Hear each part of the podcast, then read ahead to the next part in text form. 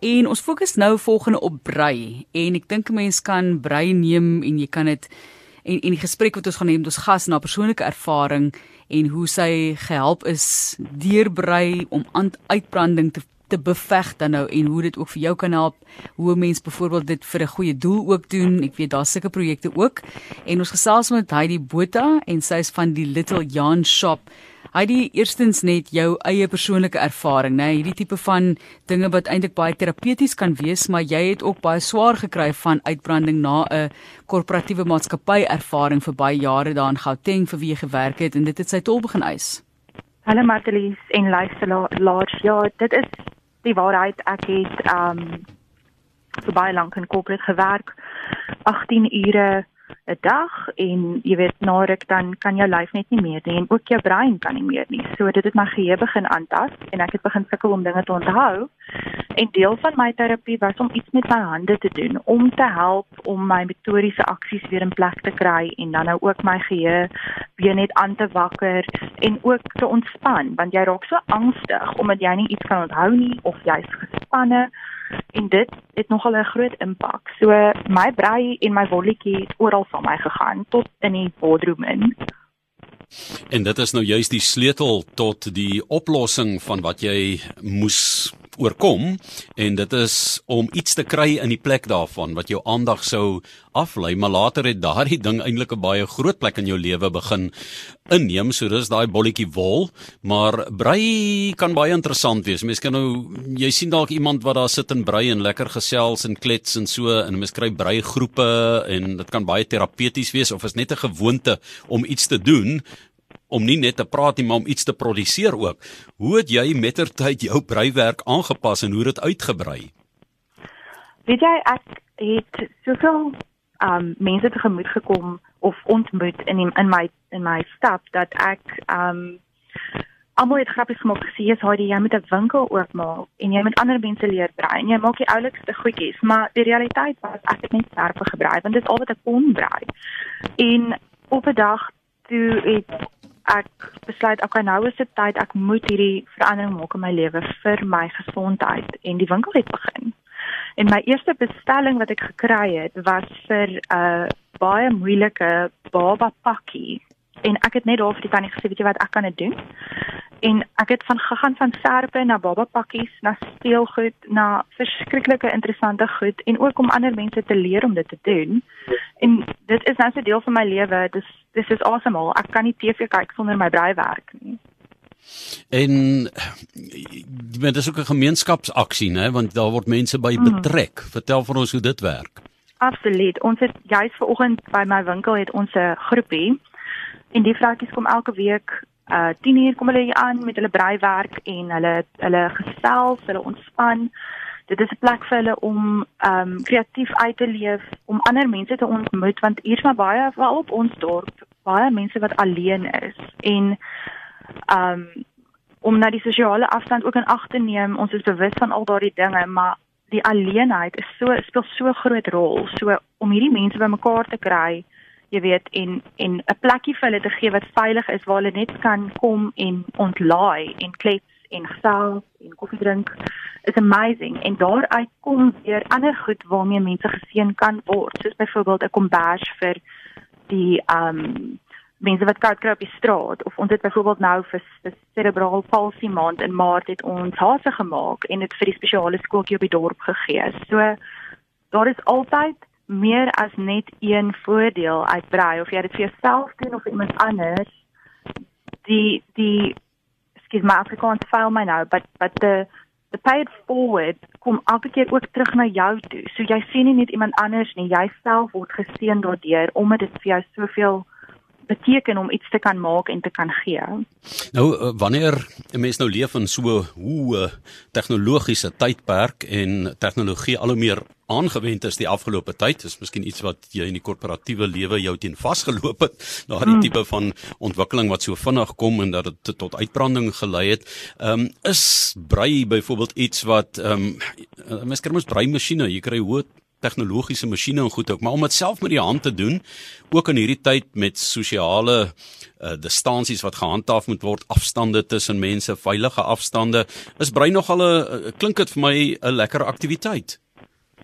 Ja, definitief. Ek ek wil ook net noem dat ons hulle nie vergeet nie, maar daar is baie mense wat hekel ook.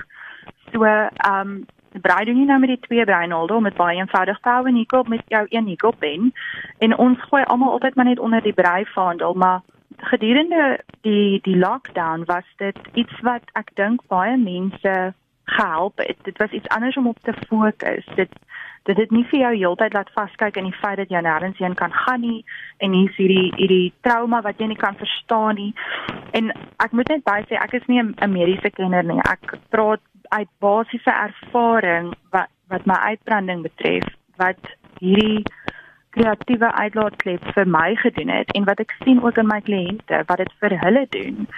So, um ek dink dit is net die mees fantastiese ding om op te tel en te doen en jy kan dit leer as kind saam met ouma, jy kan dit leer op skool, baie skole doen dit nou weer. Um maar as jy net wil begin op 'n plek, tel jou breipenne op in jou naalde of gaan kry vir jou ergens by jou jou naaste winkeltjie in YouTube. Hmm.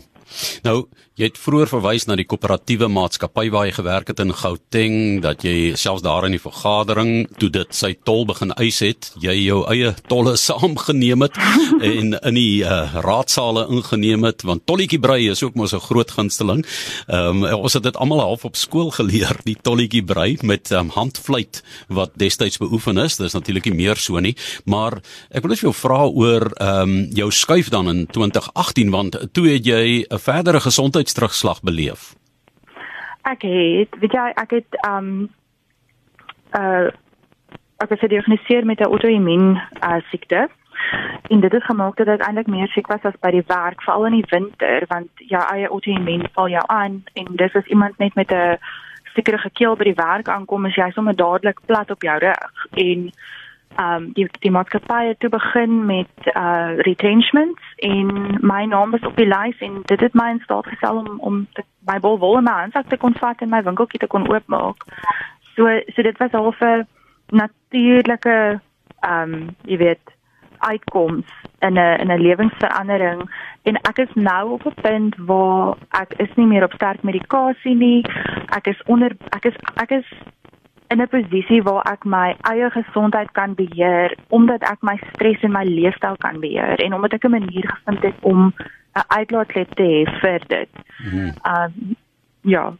Ja, maar as ek nou kyk na jou adres, ehm um, jy's in daar in Harbour Road daar in die Hawepad nommer 35 in Kleinmond. So dit is ook daarom 'n stresontlaaier en 'n half, né?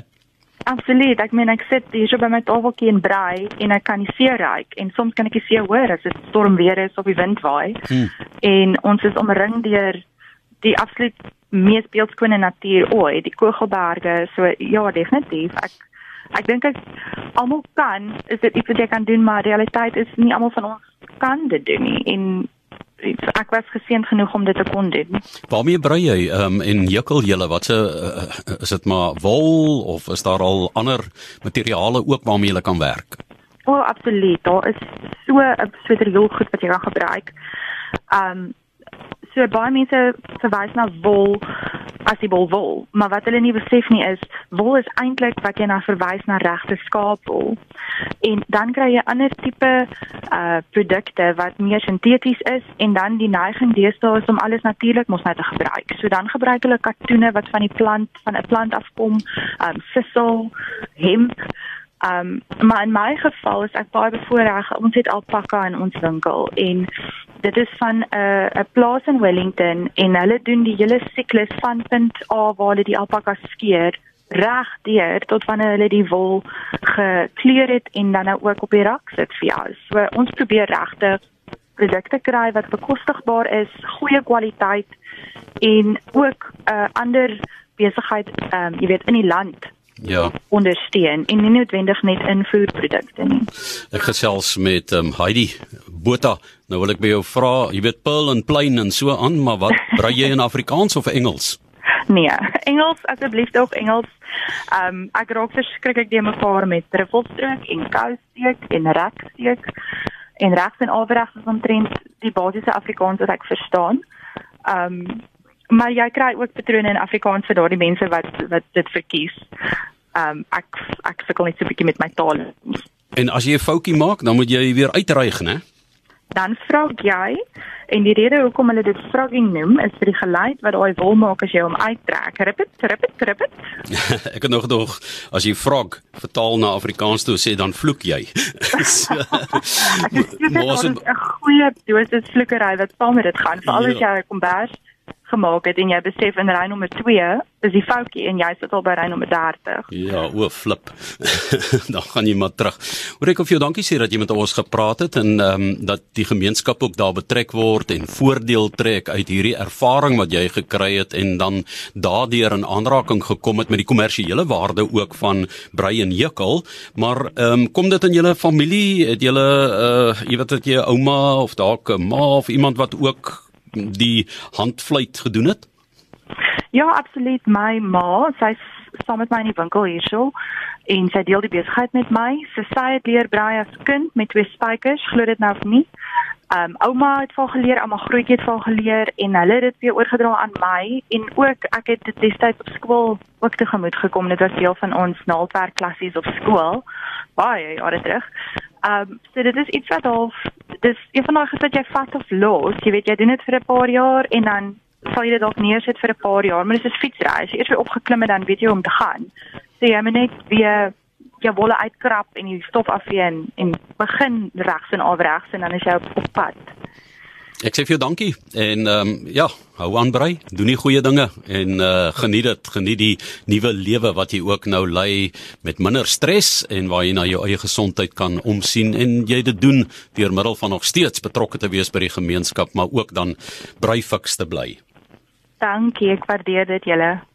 Ek wil net doen op die, op die SMS lyn wil ek net gou noem iemand sê ja my man is dood en as dit koud raak in die aande brei ek En al het ek hoeveel treie en so, het al baie gebrei om die tyd verby te kry en op die oomblik lê ek teen die kussings en hekel missies vir ons senior vriende sodat hulle kan warm wees vir die winter. Baie dankie daarvoor Denise, ook iemand wat sê ek brei en hekel elke dag. Ek's op my eie en alleen.